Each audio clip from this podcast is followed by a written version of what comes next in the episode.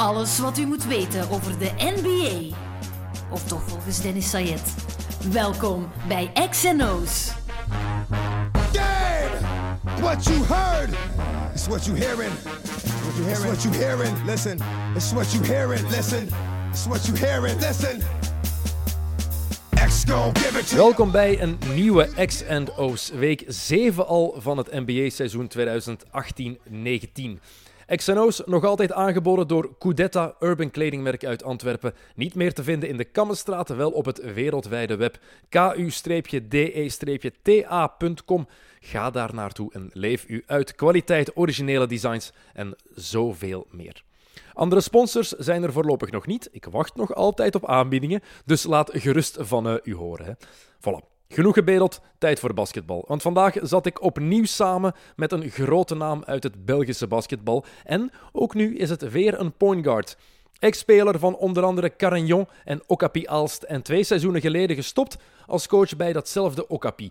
Nu zit hij bij derde klasser Hugo Lier en doet hij het daar fantastisch. En hij heeft ook nog eens ervaring als coach bij de nationale jeugd. Meer dan genoeg adelbrieven dus en meer dan genoeg kennis ook om over basketbal en vooral de NBA te praten. Snel naar de podcast en naar Steve Ebens. Steve Ebens, eh, welkom op de podcast. Eerste keer voor jou. Hoe is het? Ja, prima. Ja, de resultaten met, eh met Hugo gaan heel, eh, heel goed. Dus eh, Ik heb ervan gehoord, want je hebt, wat is het, twee weken geleden eh, de topper tegen Geel gewonnen, waar een of andere Niels Sayed speelt, toevallig mijn kleine broer. En hij zei me, het was een absoluut pak slaag. Ja, klopt. Eh, we spelen heel goed basketbal en eh, met een heel jonge ploeg. Allemaal eigen opgeleide spelers. Dus dat is een eh, heel, heel plezant project eigenlijk. En eh, ja, de resultaten zijn avenant. En leider in derde klasse. Eén keer verloren op dit moment en je hebt er een paar echte pareltjes rondlopen. Hè? Ja, echte toptalenten waar ik eh, elke week van geniet. 17, 18 jaar die de ploeg dragen op dat niveau. Eh, in hun tweede jaar dat ze senior spelen. Dat is wel eh, heel mooi om te zien. Ze hebben een, een boost gehad op het TK. En dat trekken ze nu door naar de, naar de club.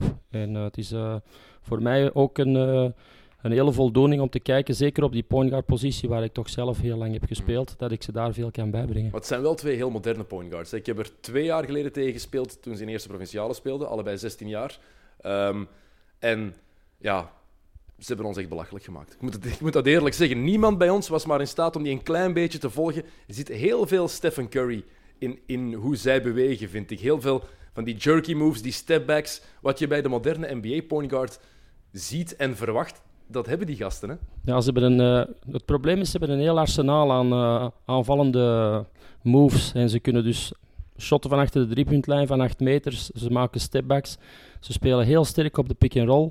En waar ik heel hard aan gewerkt heb, is dat ze nu ook weakside leren passen.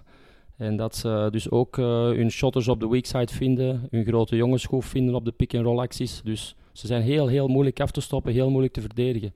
En als je dus ja, verschillende defensieve strategieën gaat toepassen tegen hen, dan vinden ze altijd wel de oplossing. En op die jonge leeftijd is dat toch wel heel straf. We hebben het over Vic van Oosterwijk en Niels van den Einde trouwens, voor mensen die dat niet zouden weten. Het straffen is, zijn twee van die kleine gastjes ook. Ehm, wat ma- dat maakt het trouwens nog frustrerender als je er tegen speelt, want ze zijn gewoon, gewoon onhoudbaar. Maar het is wel tof om te zien, die jonge gasten op de point guard, dat je ziet wat er in de NBA de laatste jaren gebeurd is, hoe de point guards daar spelen. Het begint naar hier door te komen. Het is al langer aan het doorkomen, maar die moves zitten bij iedereen steeds meer ingebakken. Er zijn weinig jonge guards, denk ik, in eerste, tweede of derde klasse, die bijvoorbeeld geen deftige floater of deftige stepback in hun arsenaal hebben. Dat hoort er nu bij, hè? Ja, klopt. En eh, dat ligt ook een beetje aan de, manier van opleiden is veranderd. En zeker ook in België, met de elite athletes die daar toch een grote verdienste hebben.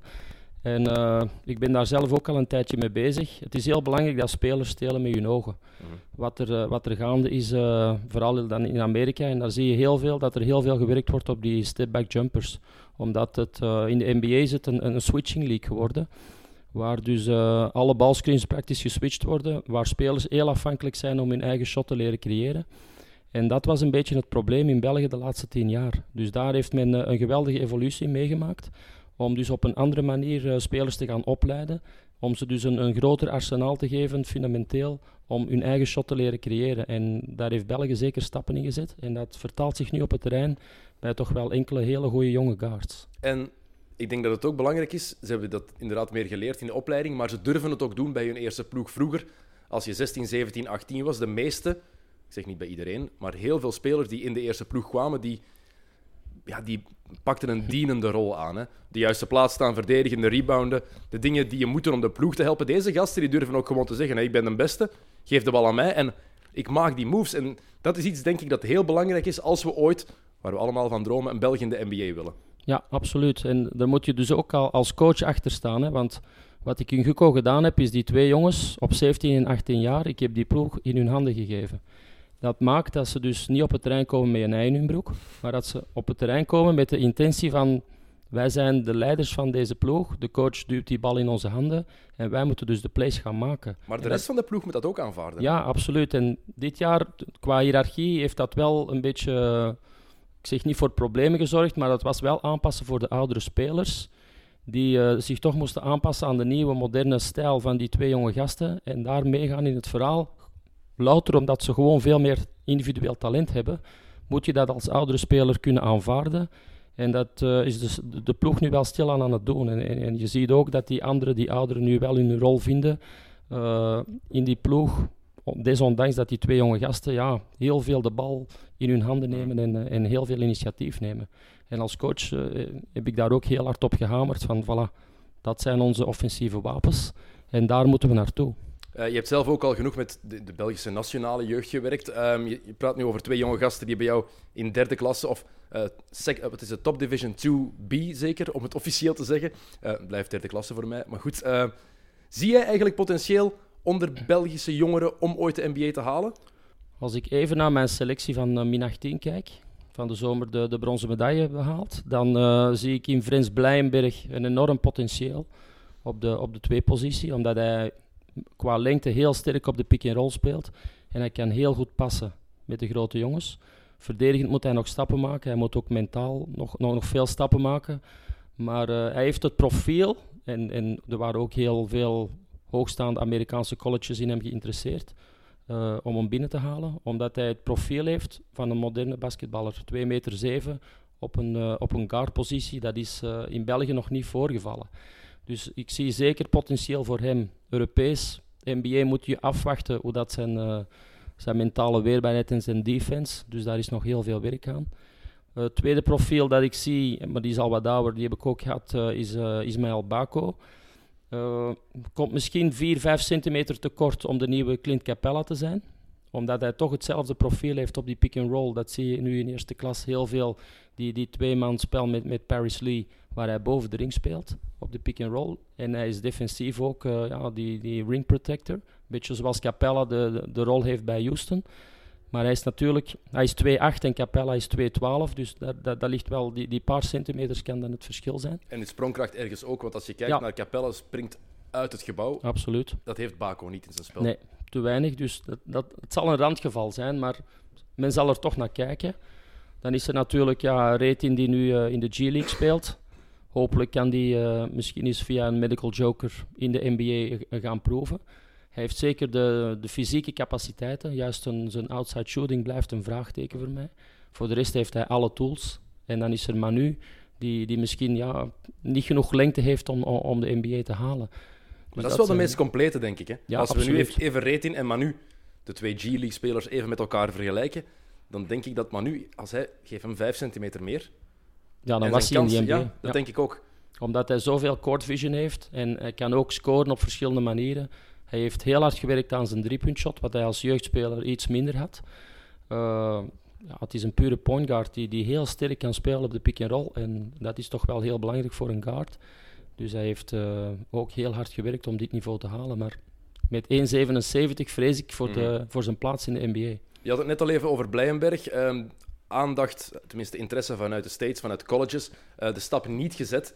Hoe zie jij dat? Want de meningen zijn daar enorm over verdeeld. Hè? Ehm, ik weet bijvoorbeeld Thomas van de Spiegel, die is meer voorstander van in Europa je weg vinden en dan zo eventueel de stap naar de NBA te kunnen zetten. Je hebt dan mannen zoals Jurik eh, van die Elite Athletes bijvoorbeeld, die wel voorstander is van het college systeem en daar je kans te grijpen en zo die weg te nemen. Wat verkies jij? Zijn probleem was dat hij eh, nog een jaar naar school moest gaan. Dus hij had niet de kans om al eh, dit jaar naar Amerika te gaan, omdat hij nog geen diploma had. Eh, ook al waren er heel grote colleges geïnteresseerd. Dus volgend jaar moet hij misschien die, die stap wel overwegen. Hangt een beetje van zijn EK af. dan zal hij terug wel wat, wat interesse krijgen. Mhm. Er was ook natuurlijk de kans Real Madrid, Valencia, die mij gecontacteerd hebben naar zijn kwaliteiten. Daar zie ik ook wel een, een, een grote stap voor hem vooruit.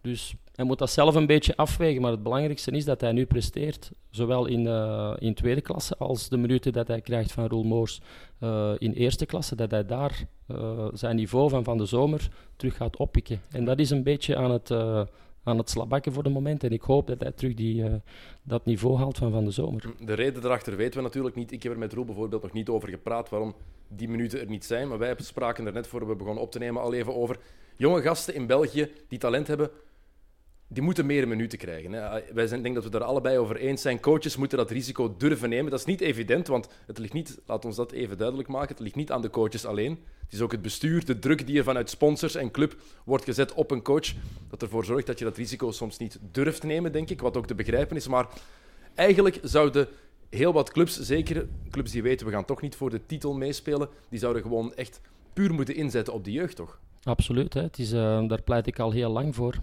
Uh, België zou eigenlijk een opleidingsland moeten zijn voor zijn uh, jonge talenten. En die uh, maximaal de kans geven vanaf 18 jaar, wanneer ze dat talent hebben, die minstens 20 minuten op het terrein hebben.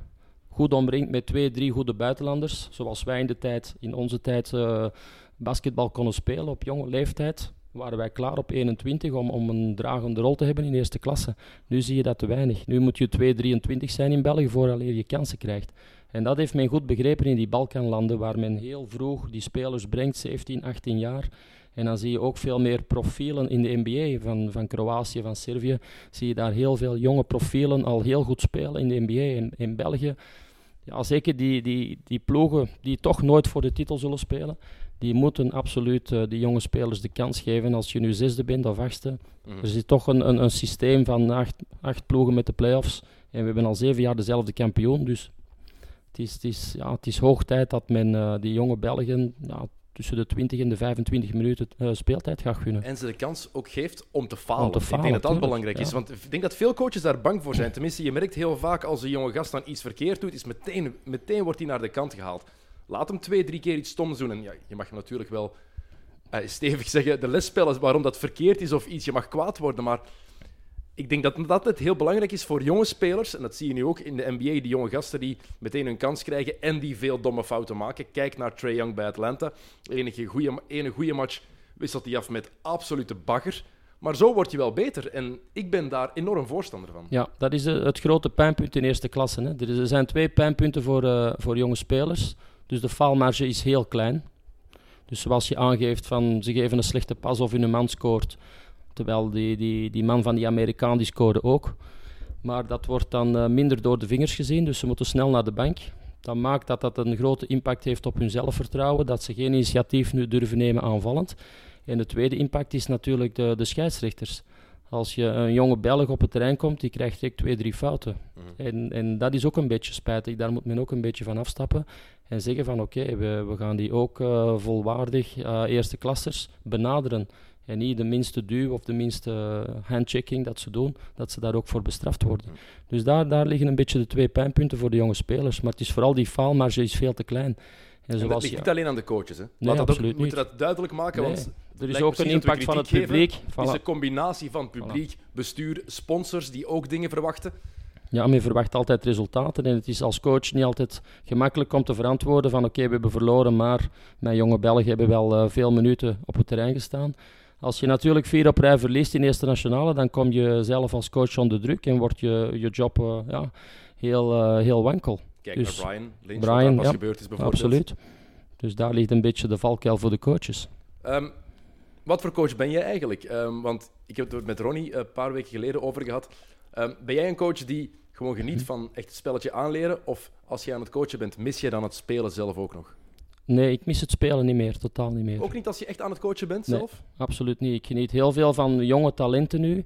Als ik zie dat jonge talenten zelfs meer in het arsenaal hadden dan ik vroeger als speler, en ik heb toch wel een mooie carrière gehad, dat ik nu die twee jonge gasten op het terrein zie en denk van, dat heb ik vroeger nooit gekunnen.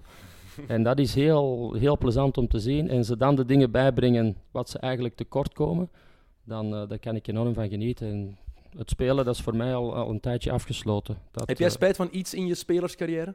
Eh, misschien had ik de stap moeten zetten toen, eh toen Jomain naar, eh, naar het buitenland ging om naar Oostende te gaan. Dan had ik misschien een titel kunnen winnen. Dat heb ik niet gedaan. Ik heb nog een jaar in Aalst gebleven, waar we ook een hele goede ploeg hadden, maar geen geld meer. Dat is redelijk cruciaal. ja, had ik misschien de stap naar Oostende met Bouwenman moeten zetten. Maar ja, dat is een keuze dat je maakt van doe ik het, doe ik het niet. En eh, misschien voor daar in eerste klasse nog wat titels te winnen, had ik misschien die stap naar Oostende moeten zetten. Want met, eh, met zowel Ronnie als Rick die zeiden van ja, we hebben de kans gekregen om de stap te zetten naar college in het begin van onze carrière. Onder andere Fresno State eh, kwam ter sprake. Heb jij ooit een aanbod gehad om naar de VS te gaan in, je, in het begin van je carrière? Ja, ik ben op eh 18-jarige leeftijd heb ik kampen gedaan in eh St. Louis. En daar kreeg ik een, een scholarship voor vier jaar. Maar ik had toen eh, juist getekend in Castorsbrein.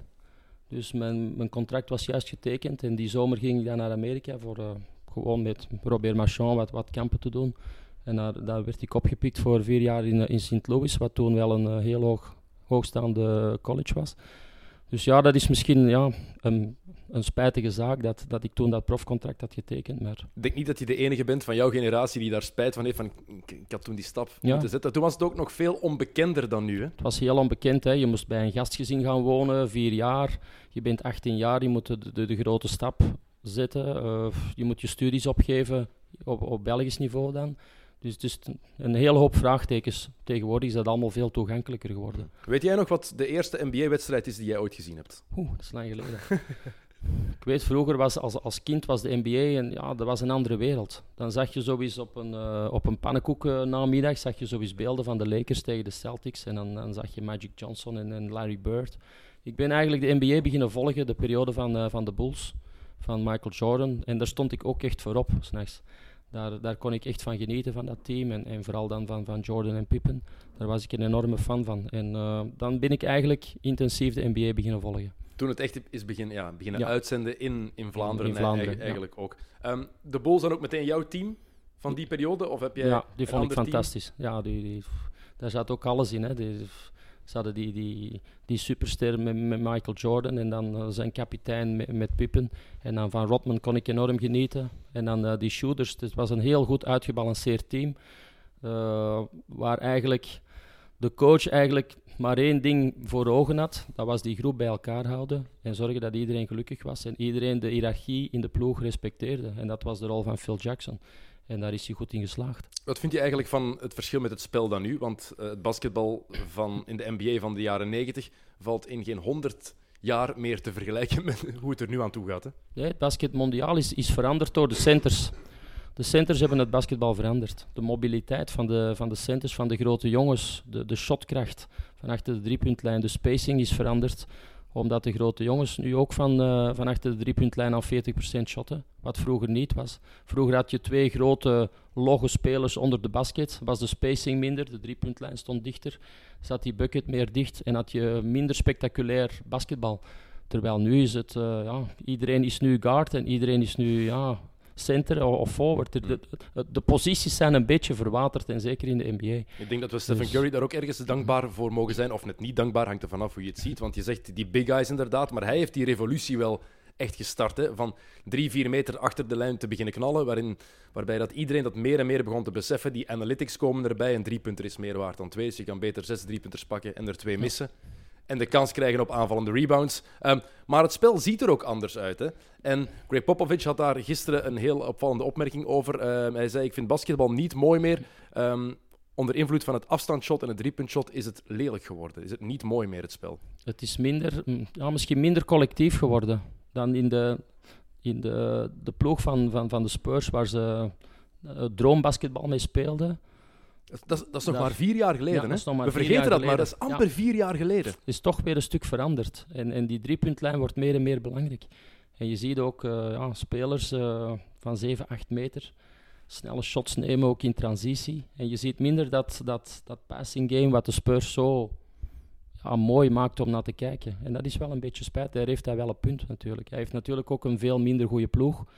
En zijn ploeg is ook een ploeg Ja. die het vooral doet met midrange jumpers. Ja. Hè? Aldridge en eh de Rosen, dat zijn niet de shooters die je in de NBA wil. Rudy Gay heeft een belangrijk, eh, belangrijke rol, heeft nog een rol in die ploeg. Ze hebben heel weinig Ja, ze hebben minder range. Ja, ze hebben weinig range. En dat, dat hadden ze vroeger misschien eh, net iets meer. Al was Tony Parker ook eh, veel midrange. En Ginobili ook. Maar in het algemeen, dat spel, vind je dat ook dat het minder aantrekkelijk is om naar te kijken, een volledige wedstrijd, als je dat vergelijkt met echt tien jaar geleden? Ook al was er toen heel veel isolation, maar was het meer gevarieerd? Ja, dit, is moeilijk te zeggen. Van, soms zijn er echt wel wedstrijden om duimen en vingers af te, af te likken. Maar soms zijn er ook wedstrijden dat je zegt van na 10 minuten, oké, ik heb het gezien. Eh, het duurt te lang. Eh, ik kijk vooral altijd uit naar die play-offs waar er echt defense gespeeld wordt. En dan zie je echt, eh, oké, nu komen we erop aan. Nu steken ze een tandje bij. Dus jij vindt ook dat er nu totaal niet verdedigd wordt? Of is dat Totaal niet, zou ik niet zeggen. Maar als je scores van 140, 125 ziet, dan moet je toch vragen stellen van, eh, ja, wordt er goed gedefensed of is de aanval zo exceptioneel goed? Dus daar kan dat is je een, wel dat is een vragen bij moeilijke stellen. oefening om te maken, moeilijke hè, oefening. waar het aan ligt. Want voor defenses, veel mensen zeggen dan in de jaren 90 was het allemaal harder. En ik ben een gigantische Michael Jordan-fan. En ja, het was fysieker toen. Je mocht handchecken. En in de paint kreeg je een hardere klop dan nu. Ook al is het niet, het is niet altijd pussy basketbal nu, laat dat ook duidelijk zijn. Maar ik denk dat het nu veel moeilijker is om te verdedigen, omdat het veld gewoon zoveel groter is. Het veld is groter, de spacing is, is eh, veranderd en de spelers zijn ook veel meer skilled. Als je ziet nu de skills van de spelers, als je dat met 15 jaar geleden vergelijkt, ja, ook die grote jongens die kunnen een, hun man pakken één tegen één van op de top. Dat, dat was vroeger ondenkbaar. Dus je hebt nu vijf posities die één tegen één van op de perimeter kunnen spelen. Dat en die ook meestal nog vanaf twee meter achter de lijn. Vooral dat, het is niet aan de driepuntlijn. Hè. Ja. Je moet er echt bij zijn vanaf dat ze over de middenlijn komen. Dus dat maakt dat je, je helpside defense wordt heel kwetsbaar. Omdat je, ja, je kan niet gaan helpen aan balkant, maar op weakside gaan helpen wordt ook gevaarlijk. Want ze beginnen close-outs aan te vallen en dan komt er heel veel ja, eh, eerste en tweede rotaties die dan te laat komen. En je Dus- mag niet in de paint en blijven staan als niet in de verdediger. paint komen. Dus het is, het is niet evident om in de NBA een goed defensief systeem neer te zetten. Zeker niet omdat dat zo veranderd is. Als je keek vijf jaar geleden was Tom Thibodeau met zijn ice defense, dus waarin je in plaats van hard te hedgen, de big guy, de verdediger van de screener, die gewoon wat inzakt en Ja. het op zich laat afkomen. Dat is bijna ondenkbaar tegenwoordig. Als je geen ploeg hebt die op alles kan switchen, dan heb je een probleem Ja. in de NBA. En zelfs dan nog krijg je 130 punten tegen. Ja, je hebt een probleem als je niet daarmee is men ook zo, zo hard op zoek naar die, naar die forwards, die, die two-way forwards, die zowel aanvallend als verdedigend heel goed eh, zijn, vooral in die switching defense kunnen spelen. Daar is men vooral op zoek naar die profielen, omdat je daar je defensief systeem beter mee kan maken, omdat het zo moeilijk is om te verdedigen in mismatches, in één tegen één. Eh, je bent bijna verplicht om die pick-and-rolls te gaan switchen. Positieloos basketbal noemen ze dat dan. En toch, stel je voor dat Shaquille O'Neal, dat die nu in de NBA zou komen, dat zou weer alles veranderen. Hè? Omdat Ja. het zo'n krachtige speler is, omdat hij zoveel impact heeft. En volgens mij zou dat heel het spel, heel het basketbal weer opnieuw veranderen. Want dit is niet hoe het gaat blijven. Hè? Het gaat blijven evolueren, denk ik. Ja, het, gaat gewoon- blijven evalueren, maar Shaquille is natuurlijk een uitzondering. Tuurlijk, maar zo, Qua, qua natuurlijke power, ja, zo worden er geen eh, tien geboren. Kijk naar Zion Williamson, Ja. die nu bij Duke speelt. Fysiek, die gast weegt, wat is het, 130 kilo, Ja. is 2 meter en 1. Eh, wie weet wat dat voor NBA-speler gaat worden, heeft nog niet echt een shot, maar dat is ook wel iemand die het spel mee kan transformeren opnieuw. Ja, het is ook weer zo'n natuurmens. Hè. Daarmee Ja, wordt hij eh, vergeleken met LeBron James, dat dat ook is. Die dus in, eh, ja, die is 2 meter 4, die weegt 140 kilo en die speelt in open court zoals een guard. Die, die, ja, één tegen één, ik heb die skills zien doen. Daar wil is- niemand nu voorblijven in de NBA, gaat niemand daar de charge tegen nemen. Dat is, dat is een enorm... Ja, Duke heeft enorme talenten, maar hij is, is, is de exponent van de nieuwe moderne NBA-speler. Het is ook gewoon ongelooflijk aantrekkelijk om naar te zien. Als je kijkt, als je weet dat hij de bal heeft en heeft een klein beetje ruimte, dan weet je, oké, die ring gaat eraf of hij gaat hier rond zijn eigen as dragen. Het is, Ja, hij heeft ook een vertical leap van 48, denk ik. Dus het is belachelijk, dat is hè? belachelijk. Als je, met zo'n met zo'n gewicht is dat... Vooral dat. Ja, Dat je dan die snelheid ook nog hebt, want het is niet Ja. enkel die sprongkracht, is ongelooflijk rap. explosief. Ik ben ervan overtuigd bijvoorbeeld dat RJ Barrett eigenlijk de betere van de twee is. Eh, veel matchen van hem gezien, ook op het eh, WK U18 was dat denk ik. Hij Canada. was twee jaar jonger dan iedereen en heeft daar de VS verslagen. Of U20, ik weet niet wat het was. Zwat, heeft iedereen kapot gemaakt. Eh, waanzinnig, waanzinnig om te zien, maar toch Williamson, dat, dat tarte verbeelding. Ja, die natuurlijke kracht, dat is, eh, daarvoor ga je kijken naar Duke. Mm, ja. En dan, dan springt die Williamson, ja, die springt in het oog. En Letterlijk. denk- ja, letterlijk. Dus ik denk dat hij wel eh 1, 2 of 3 gaat zijn in de, in de draft Cam jaar. Reddish mogen we ook niet vergeten, zit Nee. daar ook nog. Het is, het is waanzinnig, die ploeg eigenlijk dit jaar. Ehm, het NBA-seizoen dit jaar, wat vind je daar eigenlijk van? Want als we dat bekijken, vanaf dat je denkt dat een ploeg een bepaalde richting uitgaat en je daar denkt van, oké, ik heb er een mening over, verandert het weer helemaal. Ja, het is, het is eh, een beetje een verrassende start, omdat je, je kijkt naar de favoriet in de, in de, in de pre-season. Dan, dan kijk je naar, eh, naar Houston Rockets en dan kijk je naar Boston Celtics, die toch onder hun niveau presteren. En ook Golden State, die toch al wat steken hebben laten vallen. Ondanks die blessure van Steph Curry, waar ze natuurlijk wel zwaar onder te lijden hebben. En de discussie tussen eh, KD en Draymond, die, die toch ook wel een grote impact heeft gehad. En dan zie je toch eh, die Clippers, ja, die toch zonder echte superster daar, daar van boven staan en heel goed basketbal spelen. Dus dat is wel een beetje, ja, een beetje dat- verrassend. Ik denk dat de Clippers de enige ploeg zijn in het Westen waar je van kan zeggen, oké, dit zijn ze. En ik zeg niet dat ze in de top gaan blijven meedoen, maar dat is een ploeg zonder slechte speler. Ja, ook klopt. geen enkele uitblinker, hè, Nee. maar die hebben geen enkele slechte speler. Nee, ze hebben geen enkel superstar. Als je, als je even de Clippers bekijkt van een aantal jaar geleden, als ze Blake Griffin, dan eh hadden ze DeAndre Jordan en dan CP3. Die hebben ze alle drie weggedaan. En dan hebben ze nu op papier misschien middelmatige spelers genomen, niet echte supersterren. Maar toch spelen ze heel goed basketbal, goed collectief. En ze weten perfect van elkaar wat ze kunnen en niet kunnen. En de Doc twee beste Rivers- mensen van de bank, die er ook nog bij komt, met Voilà. Montrezl Harrell en Lou Williams. Lou Williams. En Doc Rivers is een zeer goede coach, die heel blij is dat hij geen supersterren moet coachen voor het moment. Ja, denk je dat? Ik heb altijd mijn twijfels bij Doc Rivers gehad. Mhm. Om, zeker omdat hij Boston verlaten, heeft Boston verlaten omdat hij niet wilde rebuilden. Ehm, bij Orlando, in, destijds in 2000, 2001, denk ik, is hij coach of the year geworden. Ook met een opbouwende ploeg. Heeft McGrady gebracht eigenlijk. Tenminste, heeft McGrady, McGrady naar het extra niveau gebracht, naar het niveautje hoger eh, gebracht. Maar toch, ik vraag me het altijd af. Doc Rivers, ik kan daar moeilijk een beeld van vormen als coach, omdat het zo anders is geweest wat hij bij Boston deed, daarna met Lob City en nu met deze Clippers. En dit LA, deze ploeg, zie ik ongelooflijk graag spelen. Shea Gilgis Alexander, een van de beste rookies. En vooral, dat is een rotatie van 9 à 10 man, zonder dat die ploeg verzwakt. Als je kijkt naar Golden State bijvoorbeeld, en Ja. zeker nu met de blessures van Green en van Curry, eh, Cousins die er nog niet bij is. Jongens, 8 en 9 en 10 van de bank, dan denk je, oeh, Een stuk minder. ja, En maar dat is, dat is eigenlijk de, de kracht van een coach, is dat je eigenlijk verschillende typen van teams kan coachen en naar een hoger niveau kan brengen. Je kan een heel goed team hebben, waarvan je denkt van, hier ga ik geen drie wedstrijden meer verliezen.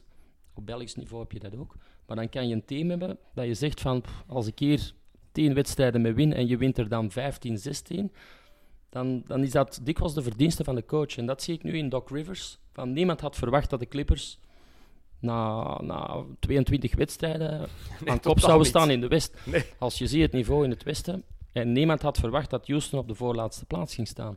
Dus daar is een, enorm, eh, ja, een enorme carousel van, van, van teams waar je, waar je eigenlijk niet verwacht. Denver, die het, eh, die het goed doen, tweede plaats. En toch ligt alles zo dicht bij elkaar. Ja. Want je zegt het, Houston op de voorlaatste plaats in het westen. En dat is zo. Daarboven net Utah, staan ze gelijk mee. Die staan op anderhalve match van de achtste plaats. Ja, ja het ligt Dus heel dicht bij twee elkaar. goede weken en ze staan vijfde. Ja, dat is zo. Als je drie op rij verliest of drie op rij wint, dat eh, maakt een, eh, een wereld van verschil. We hadden het net al even over dat driepuntshot trouwens, hoe belangrijk dat, dat is. Ehm, en over ja, hoe, het, hoe vreemd het dit seizoen is. Je hebt een paar constanten. Toronto, dat is wel de enige ploeg waar we al een duidelijk beeld van kunnen hebben. Zeker na wat ze vannacht tegen Golden State nog eens hebben laten zien. Ehm, Milwaukee is een ploeg die daar goed mee blijft en die vooral de MVP-kandidaat hebben op dit moment, denk ik. Ehm, na een kwart seizoen mag je daar al eens een keer over speculeren. Giannis Antetokounmpo, wat die aan het doen is dit seizoen, zonder dat hij ook maar één driepunter eigenlijk kan scoren. Want eh, sc- hij pakt drie driepunters per match en scoort daar 11% van. Ja. En toch heeft hij gemiddeld, wat is het, 27, 27. punten per match. Zijn Hoe kan dat in deze tijd? Dat, dat die compleet iets anders doet van wat iedereen eigenlijk verwacht en toch zo efficiënt is. Zijn dominantie in, in open court is, is zo groot. En ook rug naar de basket kan hij, kan hij scoren. Hij heeft die midrange. Eh, enorme lange wingspan, atletisch. Het is Het echt een freak rebound of goed. nature. Het hè. is echt, echt een freak of nature. En op het moment dat hij ja, in die open court naar u toe komt, dan, dan ja, is er geen stoppen aan. En, en hij brengt een enorme dominantie voor, eh, voor de Bucks op het parket. wat trouwens een zeer goede ploeg is. Ja, absoluut. Zeker Ja. omdat Boerenholzer, de nieuwe coach van dit jaar, heeft ook beseft wat Prunty de vorige, vorig jaar Ja. niet wist en Kit daarvoor ook niet. Hoe je Janis deftig moet omringen en op het terrein, niet enkel van Ja. spelers. En nu klopt dat helemaal. Middleton is een fantastisch seizoen aan het spelen. Als die geen All-Star wordt, weet ik het ook niet meer. Brook Lopez, die past daar goed mee. Heeft ook ineens een driepuntshot sinds vorig, jaar- vorig seizoen. Maar toch is het heel duidelijk de ploeg van Janis. En soms zie ik hem spelen en, denk, en dan krijgt hij drie meter aan de driepuntlijn en dan begin je een beetje te gruwelen, omdat hij zelfs niet naar de ring kijkt. En twee seconden later heeft hij toch de play gemaakt die voor een score heeft gezorgd. En ze creëren ook eh, veel meer open shots als vorig jaar met, eh, met de nieuwe coach. En dat is ook wel een verdienste van hem. Dat ze er veel meer open looks creëren en, en dat zie je ook aan, eh, aan hun spel. En de moment dat het moeilijk wordt, ja, hebben ze natuurlijk eh, Janis die het overneemt. Maar toch, het is straf als je dan kijkt. Hij heeft die 27 punten per match er ook bij. En waarom hamer ik daar zo op? Het is een gast echt zonder shot. Heeft dat gewoon niet. Midrange af en toe, maar dat is ook niet helemaal betrouwbaar. Maar kijk naar Ben Simmons. Ja. Die raakt aan 15, 16 punten per match. Niet richting de 27. Maar back in the day, Magic Johnson had ook geen shot. Heeft ook nooit boven de 20, 21 punten geraakt eigenlijk. Of zelden. Jason Kidd, net zo. Is het dan puur door die fysieke capaciteiten Ja, van Janis dat dat kan? open court en second chances. Dat, dat zie je minder bij Ben Simmons, omdat hij op een andere positie speelt. Speelt hij ook minder rug naar de basket en heeft hij ook eh, minder aanvallende rebounds om daar dus uit te scoren. Ik denk dat daar wel het verschil ligt. En Ben Simmons is toch meer dat, eh, dat pasgericht Mhm. In zijn rol bij de, bij de Sixers dan, eh dan Giannis is. Ben Simmons die, met, die een beetje stagneert, Mhm. als je het mij vraagt, eh, op dit moment. En ik vind het heel interessant om die twee te vergelijken, Antetokounmpo en Simmons. Want het zijn allebei wel point forwards. Het verschil is dat Giannis inderdaad meer in de post zijn ding doet. Ik vind dat Simmons dat trouwens ook moet doen. Want heel veel mensen zeggen, die gasten gaan niet vol compleet zijn totdat ze een shot hebben ontwikkeld. Ik denk zeker bij Simmons dat het er nooit van gaat komen. Nee, het gaat er nooit van komen. Daarom is er nu ook de discussie van, eh, van Simmons de nieuwe Draymond Green te maken. Omdat hij defensief een goede speler is. Hij heeft een zeer goede court vision. Hij kan de bal duwen van op de vierpositie. Het probleem is dat hij van op de vierpositie moet je tegenwoordig ook een driepunt shot hebben voor je spacing. Dus er is nu een discussie een beetje aan de gang eh, over de plas dat ze zeggen van oké, is hij een point guard of is hij meer een point four? Wat moeten we ermee doen, toekomstgericht? Eh, het is een beetje ja, eh, een moeilijk verhaal met hem, zolang hij dat, dat, dat, dat driepuntshot niet gaat ontwikkelen, wat niet gaat komen, denk ik. eh, zal, hij, zal, zal die discussie blijven bestaan. Mhm, Maar het is, zijn sterkste punt is alleszins ook de open court. Ja, Als je kijkt de snelheid van Simmons, hoe hij dan zijn, zijn court vision kan, kan gebruiken. Ja. Ehm, nog eens dat shot, ik zie het er nooit helemaal van komen. Eerst de leeftijd. Oké, het is nog altijd, hij is piepjong, maar een shot veranderen, dat, dat werkt zelden. Dat, Na dat je gaat 16 maar- jaar geloof ik daar niet meer in. Bij, die- bij Kawhi Leonard is het wel ja, goed gelukt, maar die zijn techniek is bijna niet, niet is niet hard veranderd. Zijn die details en daardoor is hij zoveel beter gewonnen- geworden. Bij Simmons moet de hele houding veranderen, Ja. denk ik. En Zijn elleboog dat, staat je, naar buiten. dat zie je dikwijls met linkshandige spelers. Omdat hun, eh, hun linkervoet staat veel, hun schouder is veel meer naar de basket gericht dan bij Hoe rechtshandige komt dat spelers. eigenlijk? Weet ik niet, maar dat is, dat is opvallend. Als je een linkshandige speler ziet shotten, Ja, het is zo staan ze inderdaad. volledig anders squared up dan, dan een gewone rechtshandige speler. En en ik denk dat daar het, het verschil ligt om, eh, om zijn shottechniek echt te kunnen veranderen. Gaat een moeilijk verhaal worden, denk ik. En toch zeggen veel mensen, ja, het grote probleem is dat Simmons met zijn verkeerde hand shot. Die eigenlijk rechtshandig, Rechtshandig, ja. is. Maar- Want je ziet, als hij inside gaat, hoe vaak hij met rechts Hij finishen, En ja. hij finisht beter met rechts Ja. dan met links. absoluut. Maar een driepuntshot nemen met je slechte hand is nog iets anders dan, dan finishen in de paint. Ronnie Bayer bijvoorbeeld was ook rechtshandig en finishte veel beter met zijn linkerhand. Mike Conley heeft dat ook. Ja. Linkshandig. En als hij inside gaat, die floaters met rechts, doet hij ook beter dan met links eigenlijk Ja. nog. Dat is eh, omdat je daar veel op traint, omdat je de indruk hebt van ze, ze, ze duwen me toch Mhm. altijd naar het zwakke hand, dat je dat zodanig gaat trainen dat je eigenlijk je zwakke hand beter wordt in de paint dan je, dan je sterke hand. Vind jij ook dat Antetokounmpo de MVP-kandidaat is op dit moment? Of moeten we daar een ploegmaat van Ben Simmons ook bij vermelden? Wel, ik denk Joel dat er een paar eh, kandidaten zijn in, in het beginfase van de competitie. Het is al een kwart ver trouwens, hè? nu al. Ja, nu al. Je ziet met, met Kawhi Leonard, die fantastisch eh, niveau haalt, die Toronto naar een hoger niveau stuurt en die zijn niveau haalt van bij de Spurs, misschien ook beter, waar toch heel wat vraagtekens waren. Terwijl hij fysiek nog altijd Nee, niet 100% nog is. niet Je ziet dat, hè? Dan heb je natuurlijk eh, LeBron James, die toch in LA zijn stempel drukt. Die toch heel sterke cijfers neerzet. Ook weer rond de 30 punten gemiddeld draait. Dus die toch eh, op die nieuwe Lakers eh, toch doet wat er van hem verwacht wordt. Dan heb je natuurlijk Joel Embiid, die eh, nog, een, nog een stap verder maakt in zijn carrière en enorm dominant speelt. Die cijfers, als we Ja. even, even opnoemen: 28 punten per match, 13,3 rebounds, 3,3 3,7 assists en 1,9 blocks per match. Eh, 1,96, dus eigenlijk twee blocks per match. Ehm 47% field goals, 30% van drie. Gewoon die algemene cijfers, Ja. dat is geleden van Shaq. Dat is fantastisch, hè? Het is geleden van Shaq Ja. dat we een big guy hebben gehad die echt zo'n cijfers liet Hij neer. kan alles, hè? En eh, hij is verdedigend ook aanwezig. Hij speelt langs twee kanten. Het, juist het mentale misschien, eh, wanneer die play-offs eraan komen, van eh, hoe gaat hij mentaal zijn naar die, wanneer de wedstrijden echt on the line zijn. Dat, dat, dat zullen we moeten afwachten. En Maar- toch heeft hij nog zoveel progressiemarge. Ja, want ik vind als je hem ziet, bijvoorbeeld als hij zich oppost, vaak is dat niet echt aan de post, maar een beetje in de midrange, waar Carmelo de bal vroeger graag wou. En zijn eerste, de eerste keer dat hij de bal krijgt, eerste controle, is altijd zo'n klein beetje, een, is heel vaak een fumble. Ja.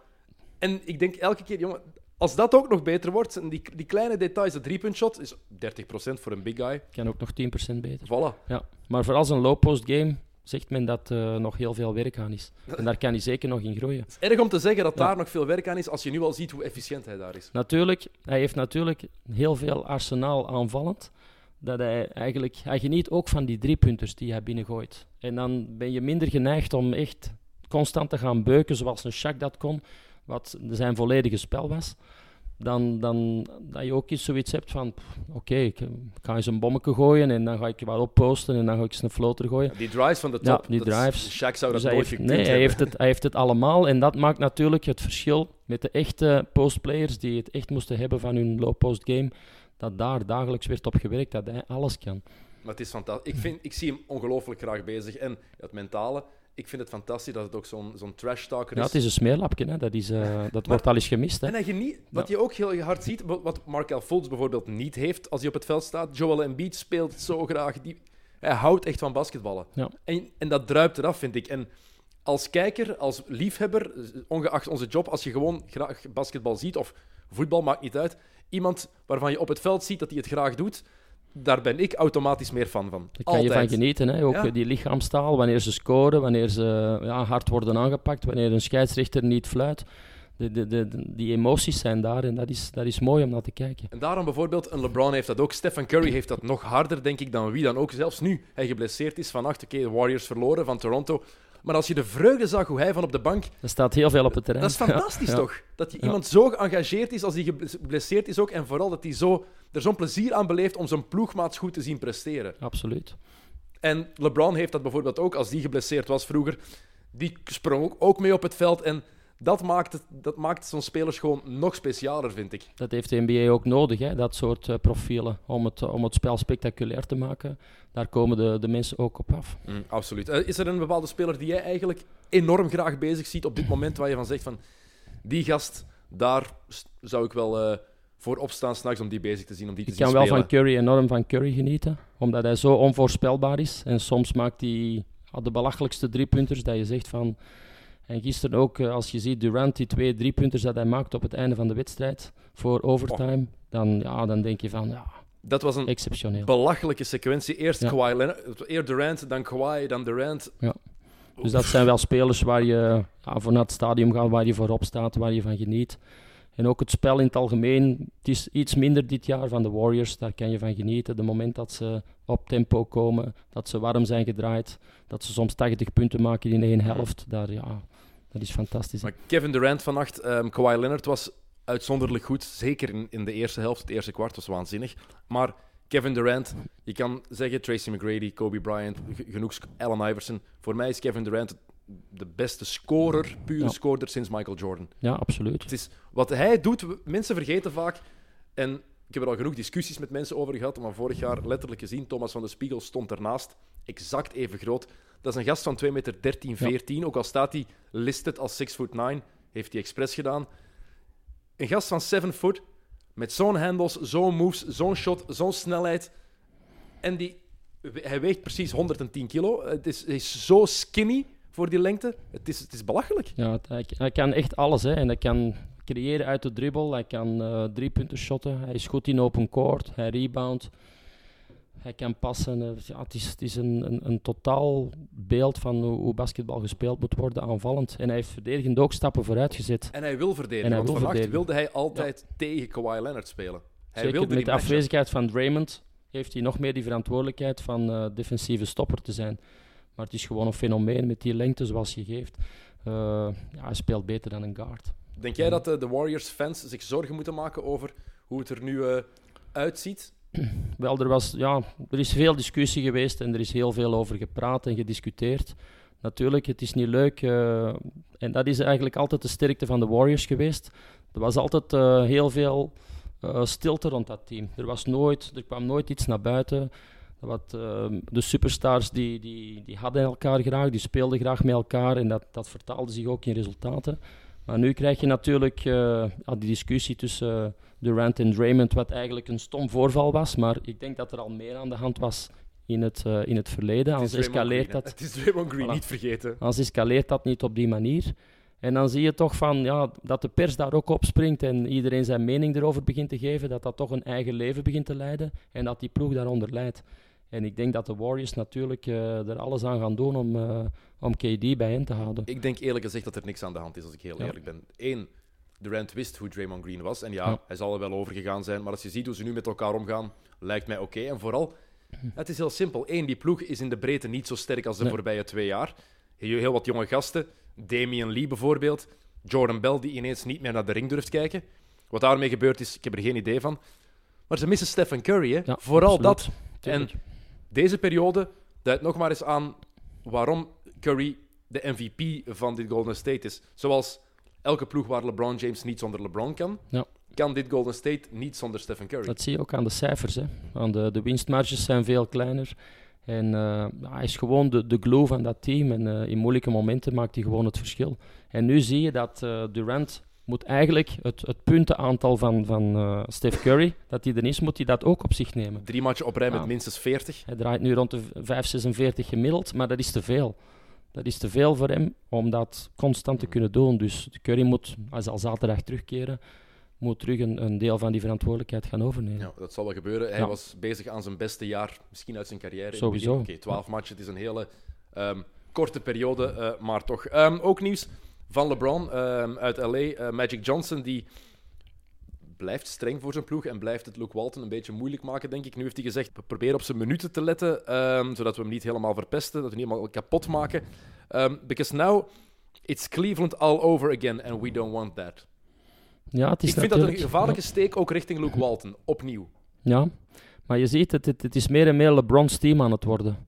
En dat wil hij niet. Hij had een slow start Ja. en, en, nu zie je toch, ja, LeBron is het aan het overnemen. En, dat hij- is wat Magic niet wil, zei ook. Van, we don't want to run everything through him. We willen niet dat alles via LeBron loopt. Maar ik denk eerlijk gezegd, als je LeBron binnenhaalt, heb je geen keuze. Nee. Alles gaat gewoon door hem. Zo zit het in elkaar. Zo is het in Miami gebeurd, zo is het in Cleveland gebeurd. En, en wat nu de discussie is, dat hij dus eh, de signalen van Luke Walton begint te negeren, de plays begint te negeren, en dat is natuurlijk een gevaarlijke situatie. Vind je dat gevaarlijk? Want dat is LeBron. In de ja, States je weet daar- dat, maar Het is een hele polemiek in de VS. Hè. Ze zijn daar echt, al- alle Ja. talkshows zijn daar uren aan een stuk over aan het praten. De sporttalkshows wel te verstaan, de rest praat, praat over Trump. Eh, Maar de sporttalkshows zijn daar constant over bezig.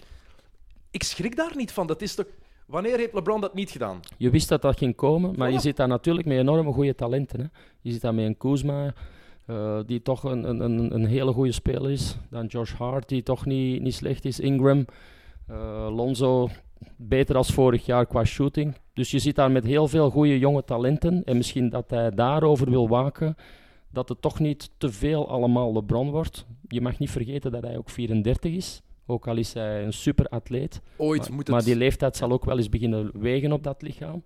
Kijk naar CP3, die toch ook dit jaar eh, met blessures gekampt eh, zit. Dus met LeBron kan dat ook wel gebeuren. En dan is het natuurlijk, als die wegvalt, ja, dan moeten die jonge gasten het wel terug gaan doen. En als ze er niet klaar voor zijn, dan, dan stuikt die ploeg weer volledig in elkaar. Moeten ze voor Bradley Beal gaan? Beal die eh, beschikbaar is blijkbaar. Elke Wizard-speler is beschikbaar. En eh, Stephen A. Smith van ESPN die is daar heel vocaal over. Bijvoorbeeld, die vindt...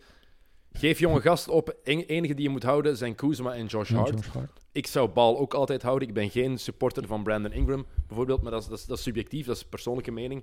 Maar vind jij dat Bradley Beal een speler is waar ze echt volop op moeten inzetten? Dat dat een man is die het ja, verschil kan maken als tweede pion naast LeBron? Het is te zien wat ze voor moeten opgeven. Hè.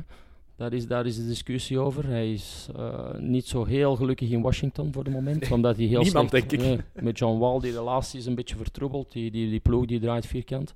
Dus het is misschien de moment om die move te maken. Maar wat moet je voor opgeven? Ingram zou ik er zeker en vast voor, uh, voor willen opgeven. Lonzo Ball, ik denk dat je die nog wat tijd moet geven, want dat is toch wel een interessant profiel. Dus Als het bijvoorbeeld Josh Hart, Brandon Ingram en twee draftpicks is. Dan moet je het misschien overwegen. Ja, dan moet je het misschien overwegen, omdat je toch... eh, Bradley Beal, die heeft toch honger. Die is ook nog jong. En eh, kan wel een, een goede sidekick zijn voor LeBron. Is nog altijd maar 25 Ja, inderdaad. En dat, is dat vergeten we ook. speler. Ja, is, eh, is nog heel jong en een geweldig shot. Ja. Kan een degelijke verdediger zijn, maar je moet eens kijken hoe, hoe die gebouwd is. Mhm. Een beetje Wesley Matthews-achtig, maar dan atletischer. Hele, hele sterke gast. En ja, dat shot, al genoeg over gepraat. Ik vind dat na dat van Clay Thompson, denk ik, het mooiste shot dat er is in de NBA. Ja, die techniek is missen ze misschien bij de Lakers, hè? Zo die, die pure shotter. Maar hij heeft ook wel creativiteit. Hij heeft niet alleen dat shot, hij heeft ook die creativiteit. Wat ze kunnen gebruiken om, eh, om broken plays op te lossen. Want de Lakers worden beter en beter. Je merkt dat aan hun spel. Eh, tenminste, ze winnen nog niet elke keer natuurlijk, maar het gaat wel beter. Maar ze missen shooting. Ja. En als je dan Caldwell Pope als enige shooter hebt, Kuzma is niet constant genoeg, Lonzo Ball ook niet. Er is niemand in de ploeg die, Consistent ja, is. die daar echt altijd kan staan en waar LeBron die bal altijd aan kan dumpen. En dat is ook de reden dat ze maar 25ste in de offensieve standings zijn. En dat is te laag. Dat heeft Magic ook aangegeven. Van nummer 25. Aanvallend is, is, is niet voldoende om, eh, om prijzen te pakken. Dus ze moeten daar offensief wel iets gaan doen.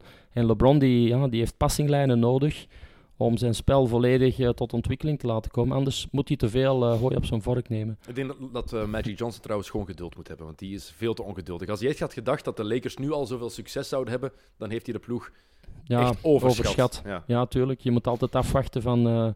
ja, je brengt een superster binnen met een, een hele goede jonge generatie, maar hoe gaat dat in zijn werk? Hè? Die hiërarchie in die ploeg, die coachingstaf die, die volledig ja, eh, op een andere manier die approach moet gaan doen. Want je mag dat niet onderschatten, die impact eh, in de kleedkamer en op het terrein van LeBron. Als Ja, coach is is dat een enorme impact. Dus eh, je moet op je woorden letten dan. De beste jonge speler, tenminste de beste rookie moet ik eigenlijk zeggen, zit dit jaar wel niet in LA, die zit in Dallas. Ja, als voorsprong, Luka Doncic. Fantastisch. Ehm, ik had er hoge verwachtingen bij. Mhm. Echt heel hoge verwachtingen. Maar hij overtreft ze. Ja, ik had is- niet gedacht dat hij zo'n cijfer zou neerzetten. En vooral, het is heel duidelijk, Dallas is zijn ploeg al, hè? Ja. Nu al. Hij is special, hè. Het is niet normaal. Zoals Real Madrid ook zijn ploeg was toen hij 18 was. Hij is special. Oké, maar eh, dit is zijn eerste ja. jaar in de NBA. Ja, en maar bij, was Real was, is hij opgekomen. Ze kenden hem daar al, hè? Je mag Real Madrid ook niet, eh, niet onderschatten op Europees niveau. hè. Op wereldvlak is dat... Tuurlijk. Ja, het is de beste team van de wereld, hè. Eh, Real Madrid, hè. de grootste organisatie. Als je op 17-jarige leeftijd zo'n impact hebt op de Euroleague, op dat team, en je bent met Slovenië, word je Europees kampioen en je hebt daar die impact, ja, dan weet je dat dat in de NBA ook wel zal lukken.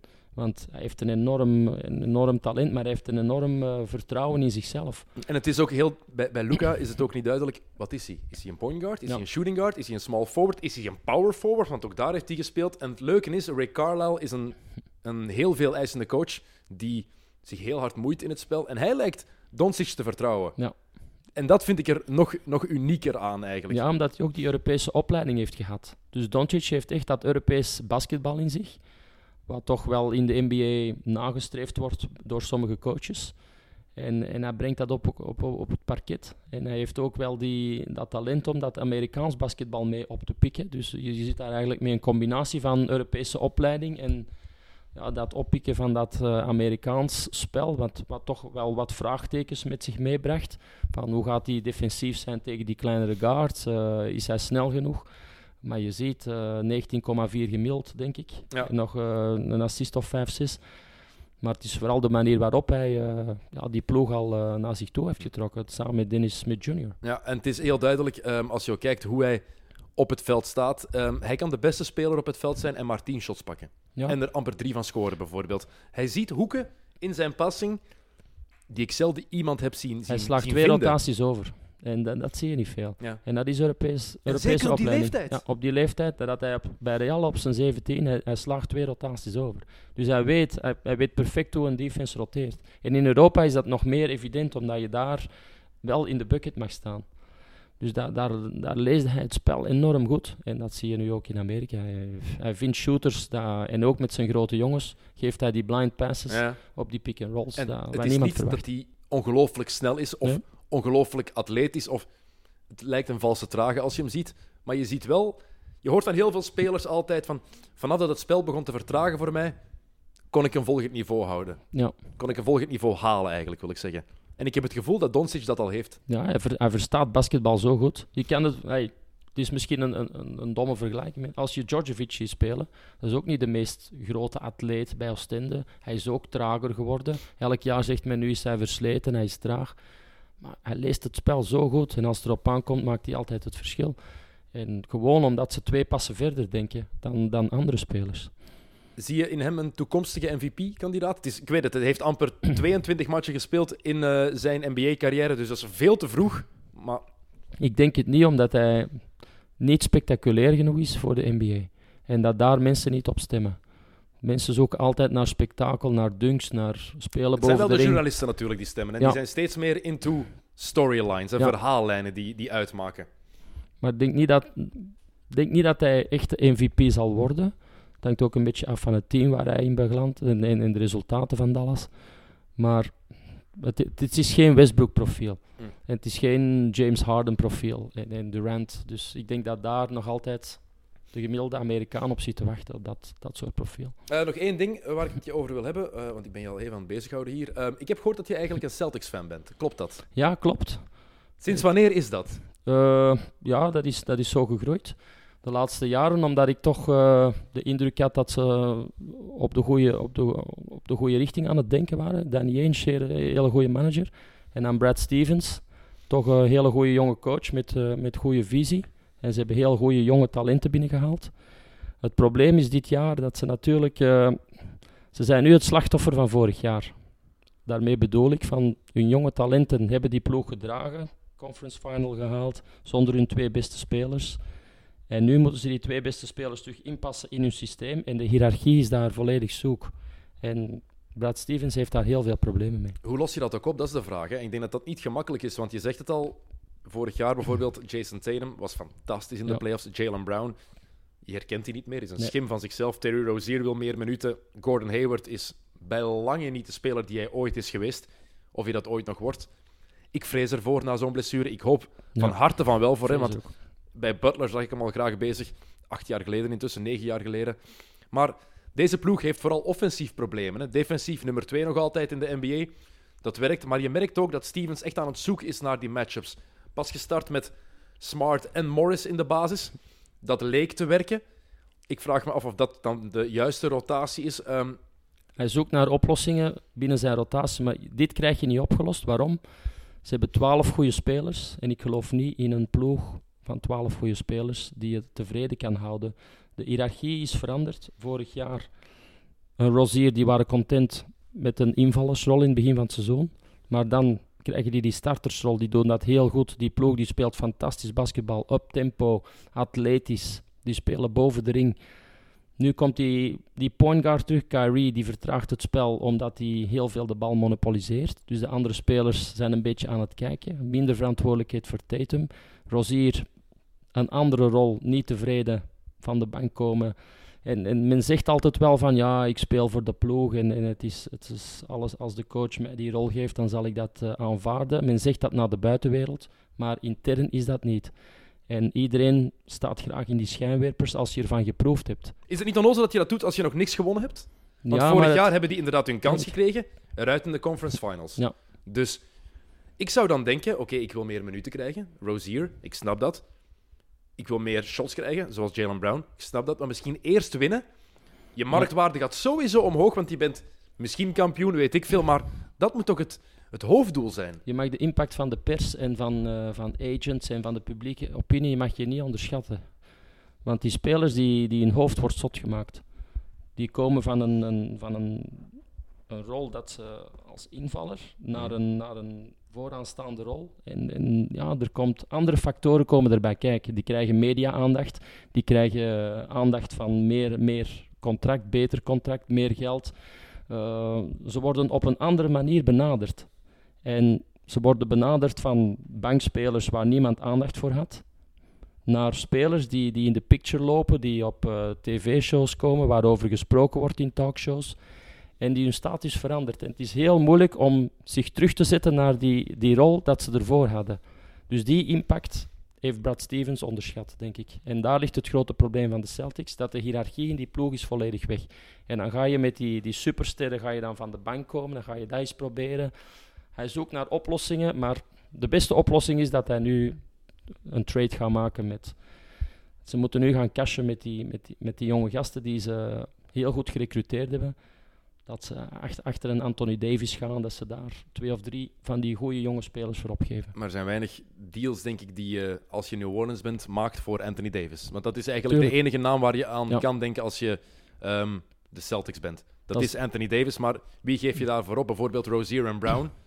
Het zou een optie kunnen zijn met drie picks, vier draft picks, want dat is niet genoeg alleen, denk ik. En zelfs dan nog zouden ze bij New Orleans nee zeggen, denk ik. Tatum opgeven, dat gaan ze niet doen. Dat gaan ze, het zou ook dom zijn, denk ik. Ook al is Tatum aan een, een rotseizoen bezig eigenlijk dit jaar. Die, die is untouchable, denk ik. De andere, zelfs Kyrie wordt over gesproken.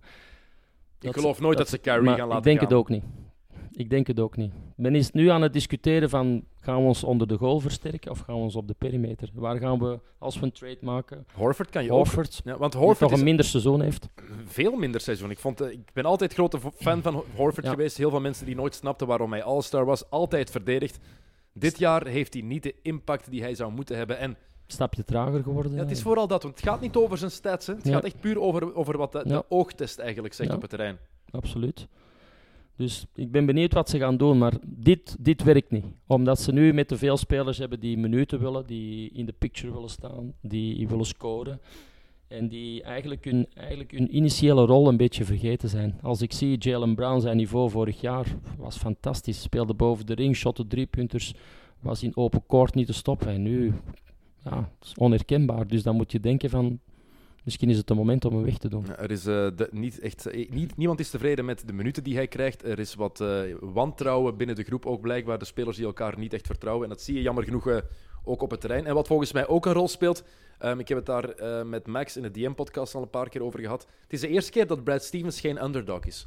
Eerste keer in zijn carrière dat hij echt topfavoriet is in het ploeg, Hij heeft de ploeg, maar... maar dat verandert voor een coach ook veel. Hè? Het is ook de eerste keer dat hij in vraag wordt gesteld in Amerika. Want dit was altijd een jonge coach, nieuwe Popovic. En hij was aan het komen. En, maar nu heeft hij echt het materiaal om, uh, om voor de titel te gaan. En het werkt niet. Dus hij wordt ook in vraag gesteld. En uh, dat, ja, dat weegt ook op zijn schouders. Daarom zoekt hij naar andere oplossingen. En dat is niet altijd goed als coach. Als je elke week naar een andere oplossing wil gaan zoeken, dan stap je een beetje af van je, van je filosofie, van je rotaties.